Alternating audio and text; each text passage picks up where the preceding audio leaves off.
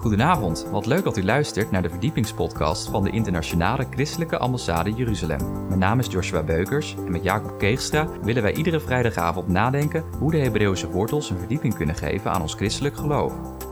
In deze aflevering gaan wij verder met Gods Woord is één, een Bijbelserie in samenwerking met Without Limits van Henk van Zon. We gaan verder met de Torah. Wij wensen u veel luisterplezier. Daar word ik nou warm van, hè? Dat dat al zo in Gods woord is ingebed. Maar dan vragen de, de kijkers thuis misschien zich af van... ja, moet je hier nou theologie voor studeren om dat allemaal te ontdekken? Nee, ik heb tien jaar theologie gestudeerd... en ik moet helaas zeggen... de Bijbel is niet altijd uh, open geweest... en dit soort dingen leer je zomaar niet. Maar ja, dat is, het is een genade van God dat je dit mag zien... Ja. En God, ja, natuurlijk door met Gods woord bezig te zijn. Ja. Want God openbaart geen ding naar wat hij eerst zijn knechten, de profeten, heeft geopenbaard. En dat zegt God door de hele schrift heen, dat God ons de heilige profetische schriften bekend wil maken.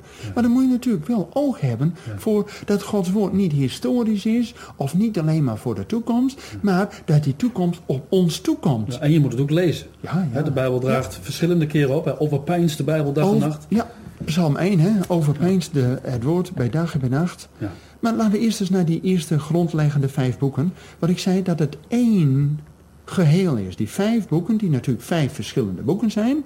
Maar Genesis en Exodus staat er. En Leviticus. En Deuteronomium. En... Hè, oftewel, het is door het woord en is het steeds bij elkaar. het bij elkaar. Sterker nog, we hebben net zo net het centrum van Gods Torah, uh, Leviticus 19 18b gelezen. En wist je dat het aller uh, centraalste, uh, middelste letter van Gods onderwijzing ook weer die letter N in het Hebreeuws waf is. En die wordt getekend als een haak. Dat wij als christenen aangehaakt zijn bij de openbaring, bij het profetische woord van God. Ja, dat, dat, is niet zomaar een symboliek. Dat is een dieptelaar die God ons wil openbaren. Okay. Dus, ja. zullen we eens verder gaan? Ja. Want kijk, het heilsfeiten van God... Welke tekst eh, wil je? Um, laten we gewoon met Genesis beginnen. Genesis gaat over de schepping. Dat is natuurlijk dat God zichzelf dat huis maakt, in de schepping maakt, waar wij als kroon op de schepping mogen wonen. En dan is dat, um, dat na dat grondleggende eh, boek, hè, met uh, Genesis 50 aan het eind, dat God die redder der wereld ja, laat sterven, zodat wij, ja, wat wij kunnen doen. Exodus begint natuurlijk wanneer die redder der wereld voor onze zonde gestorven is, dan is het volk worden uitgeleid. Exodus. Want wanneer worden wij als christen wedergeboren door de opstanding van Jezus Christus? Dus wanneer ook Jezus voor ons is gestorven en opgestaan, dan mogen wij ook met hem leven. En, en die, die, die dieptelaag ligt er iedere keer in. Want het is niet alleen Exodus dat wij uit het uh, Egypte naar het beloofde land gaan. Maar dat ligt al helemaal in de structuur van Gods schepping ingebakken. Laten we nog even weer naar Genesis 1. Wat is het eerste woord wat God zegt? Dat weet jij. In, ja, dat is in, het begin. Ja, dat is, heeft God de hemel en aarde geschapen. Maar wat is het eerste woord wat God zegt? Er zij licht. ja, maar er zij licht. Heeft het licht aan tijd om na te denken van, nou, heb ik er wel zin aan? Nee, want er staat er zij licht en er... En er was licht. En de Statenvertaling zegt, en het werd licht. Maar in het Hebreeuws staat het volgens mij nog anders, hè? Want het licht is eigenlijk geroepen. Ja. ja. God riep tot het licht. Waar jomer elim je je oor, waar je in het Nieuwe Testament staat dat ook ergens, hè? Dat God het licht tot aanzijn heeft geroepen. Ja, ja, amen, amen. Maar er zit direct dus al die dieptelaag in, dat wanneer God het eerste woord van God zegt, er zij licht, en er was licht. Dus de schepping doet gewoon wat God opdraagt. En God laat erin zien wat hij zegt, dat doet hij ook. Hij zegt iets en het is er. Ja.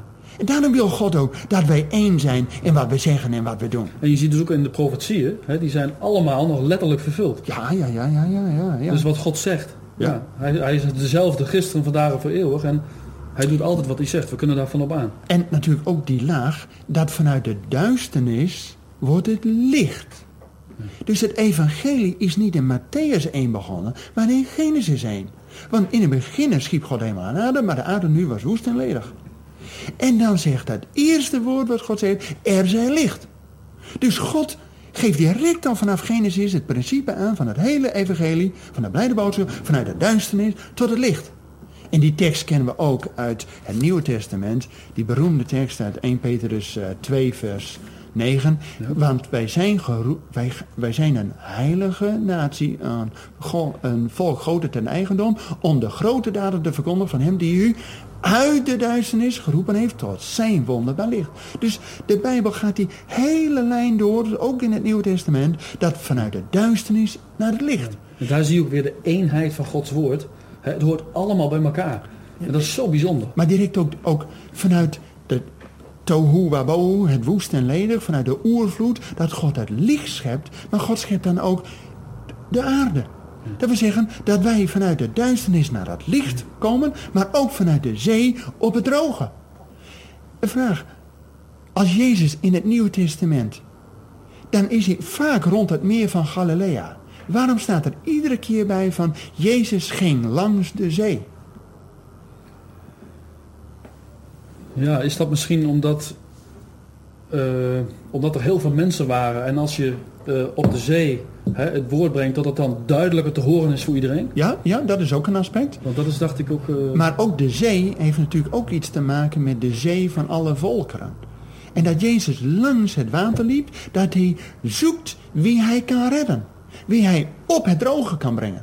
Okay. En zelfs als die twaalf discipelen daar in dat bootje en ze dus allemaal stormen om hen heen, ja. dan komt Jezus te middernacht als het donker is, volledig in die tohu wabo, in die woest en ledig en duisternis. En dan zegt Jezus één woord, zwijg. Ja. Wauw! En wat hij zegt, dat doet hij ook. Die, volgen, die golven die schrikken ervan, die zijn in één keer koest. Ja. Dus, en dan brengt Jezus hen aan land. Dus Jezus zoekt vanuit de zee, is hij degene die ons op het droge brengt.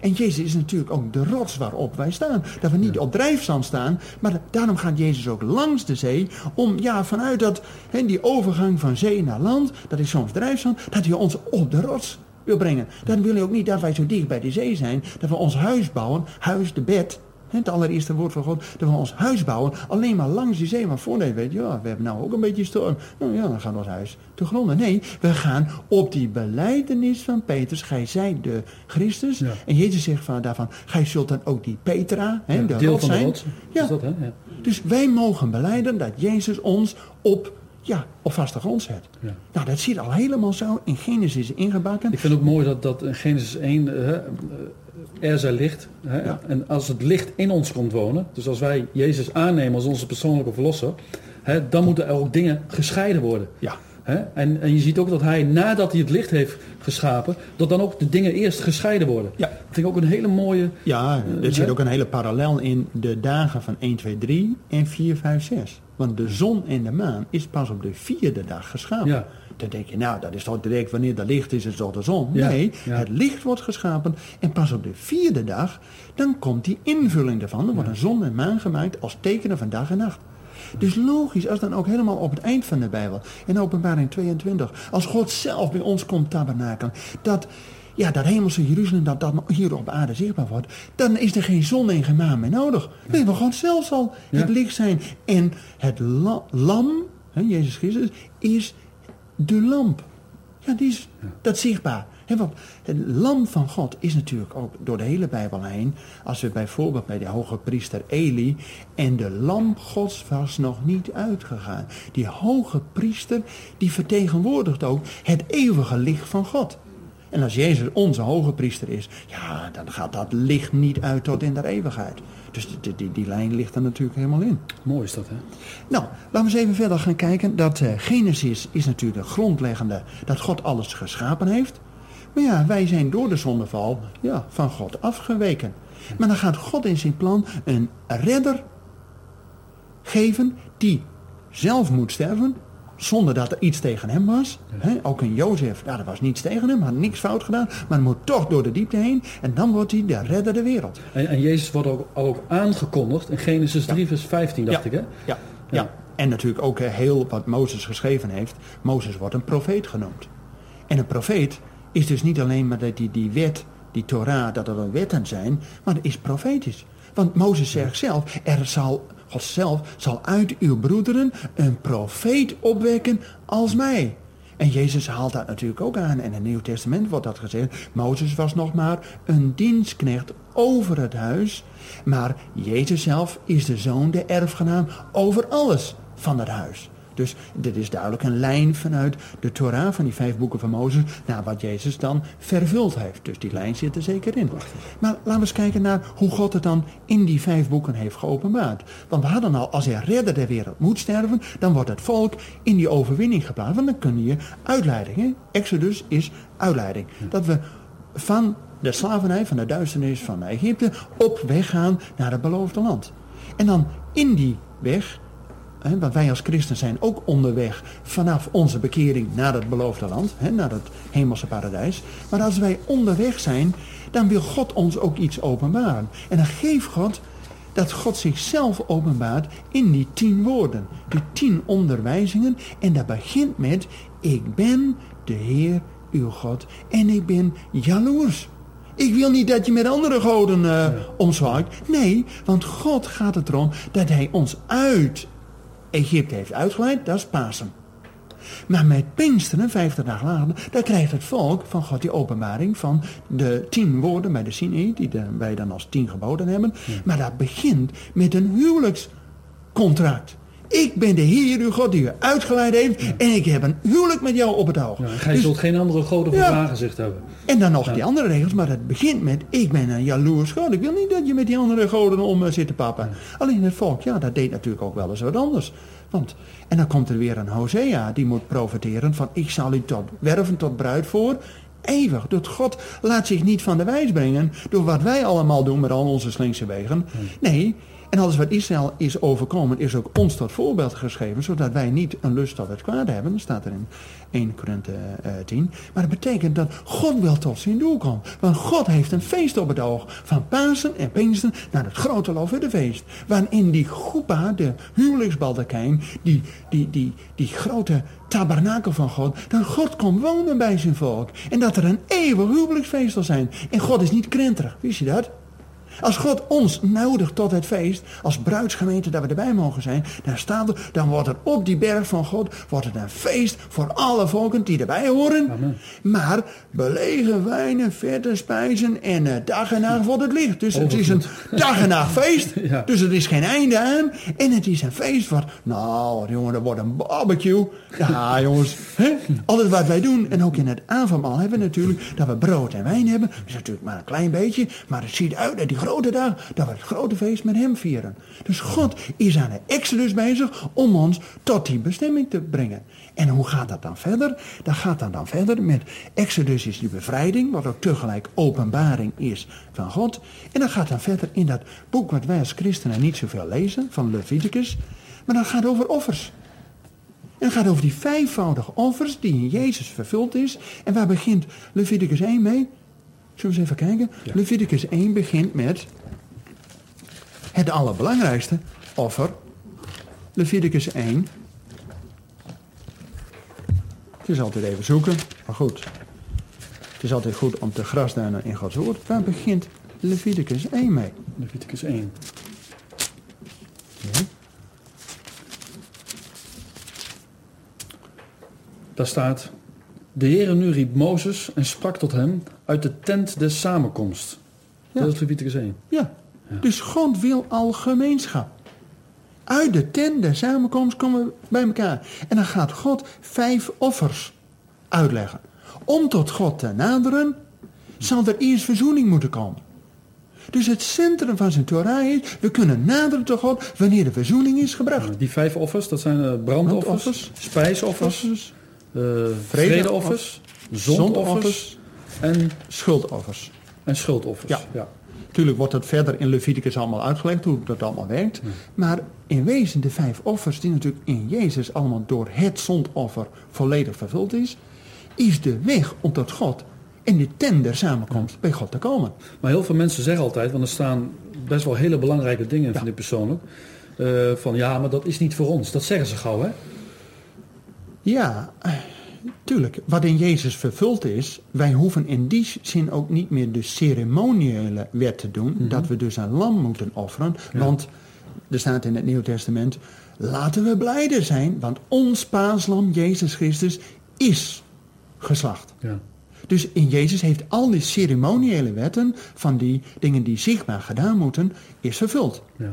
Maar in Gods woord zijn er wel al die andere wetten die natuurlijk ook een stuk ehm, onderwijzing van God zijn. Jezus heeft echt niet bedoeld dat we er nou maar op los moeten liggen en stelen en eh, de vrouw van onze naaste En moeten Jezus verwijst zelf ook naar de tien geboden. Hè? Tuurlijk. Ja. Tuurlijk, de hele bergreden is natuurlijk een aanscherping van ook de tien woorden. Ja.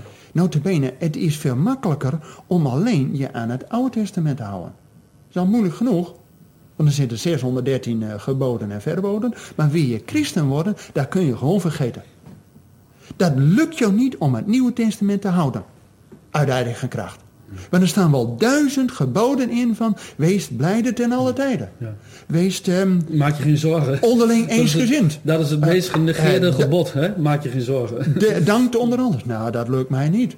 Dus er staan in het Nieuwe Testament wel duizend geboden. Oftewel, het is onmogelijk dat wij uit eigen kracht dat zomaar kunnen doen. Maar het is ook niet uit eigen kracht of geweld, maar door Gods geest. Dus wanneer we de, de verzoening van het centrale offer van Jezus aanvaarden, dat Jezus voor ons gestorven is, dan is hij ook de redder van mij persoonlijk geworden. Niet alleen van voor iedereen, voor de hele wereld, maar ook voor mij. En dan mag ik in die exodus uit mijn oude stekkie op weg naar het beloofde land. En hoe gaat... Want wat ik ook wel eens hoor, is dat ze zeggen, ja, maar dat was de wet van Mozes. Maar het was natuurlijk niet de wet van Mozes, het was de wet van God gegeven hè, door Mozes. Ja, ja, ja, ja, klopt. Het was dus ook, en ook op het eind staat dan de, de zegen van Mozes. Ja, hallo, het is, Mozes mag het uitspreken en Aaron mag het op het volk leggen. Maar het is uiteindelijk dat God zegent. Ja. Dus het is ook niet de zegen van Mozes, de zegen van God. Die wij als dienstknechten volgen. Want. Mozes was natuurlijk de dienstknecht vanuit het Oude Testament. Er was niemand zoals hij. Hè? Alleen die moest zijn les ook leren. 40 jaar moest hij afkoelen in de woestijn voordat hij eh, bereid was. Maar goed, God moet vaak ook met ons. Steeds rondjes lopen. Ja, ja, ja, ja, ja, ja. Maar laten we dit gedeelte van de Torah ook eh, proberen tot een afronding te brengen. Dat als we Leviticus gehad hebben, dan komt natuurlijk Numeri. En Numeri is het gedeelte daar het gaat over onze weg. Niet alleen voor het volk om tot het beloofde land te komen. Maar ook wij als christen hebben vaak die weg te gaan. Dat als we bekeerd zijn en verlost zijn. Een hoera-stemming op weg. Maar dan is het die weg door die woestijn. Dat we van oase tot oase gaan. Maar dat we ook visie houden dat we het beloofde land ingaan. Is nog een opdracht. Ook in het Nieuwe Testament staat. Er is voor het volk van God. Dus in het Nieuwe Testament wordt ook een opdracht gegeven. Er is een opdracht voor het volk van God. Om in de Sabbatsrust van God in te gaan. En die Sabbat heeft natuurlijk te maken met die zes dagen die God gemaakt heeft. En die zevende dag om in de rust te zijn. En dan staat er van die Sabbat dat God dat zegende. Opdat ook wij tot een zegen ja, worden. En dat lukt alleen als wij onze ziel hebben doen herleven. En dat lukt alleen als we Gods woord lezen. Van Gods woord is een lamp voor onze voet, licht op ons pad. Dan hou je het vol in die woestijn. Van waar moet je heen? Je moet visie houden. En Gods woord is een licht op ons pad. Niet alleen voor onze voet, maar een licht op ons pad dat we het Ja. Gods woord is ook een, een gebruiksaanwijzing voor ons leven. Ja, vandaar dat we gelezen hebben van hoor Israël. Dat we visie houden waar we op aangaan. Maar als we Gods woord doen. Want er staat dan in eh, wanneer Gods eh, volk bij de Sinaï de, God, de woorden van God krijgt. Moet je eens nagaan. Dan zit er dus nou, bijna 2 miljoen mensen bij die berg van God, de Sinaï. En die berg is daar drie dagen lang aan het schudden en aan beven, aardbeving. En dan komt de wolkolom en de vuurkolom, de heerlijkheid van God komt. En dan gaat God spreken. Ja. Wauw, iedereen, oeh. En wat is hun reactie? Dit zullen wij doen en we zullen daarnaar horen.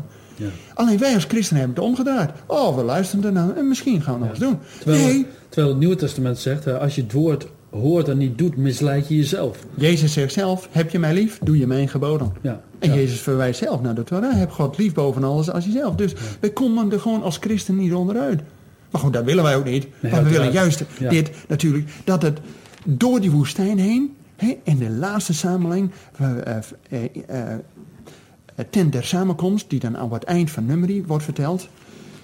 En dan gaat het uiteindelijk, want dat is natuurlijk al voorteken van dat God vanuit Pasen, Pinkster naar het Loofhuttenfeest. En die loofhut, dat tentje in de woestijn, waar God die laatste verzameling, laatste samenkomst, de laatste gemeentebijeenkomst is daar. En dan zegt God, oké, Nou hebben we alles en dan gaan we het nog één keer samenvatten, zodat ook die nieuwe generatie die in die woestijn geboren is, dat die het ook zelf gehoord heeft.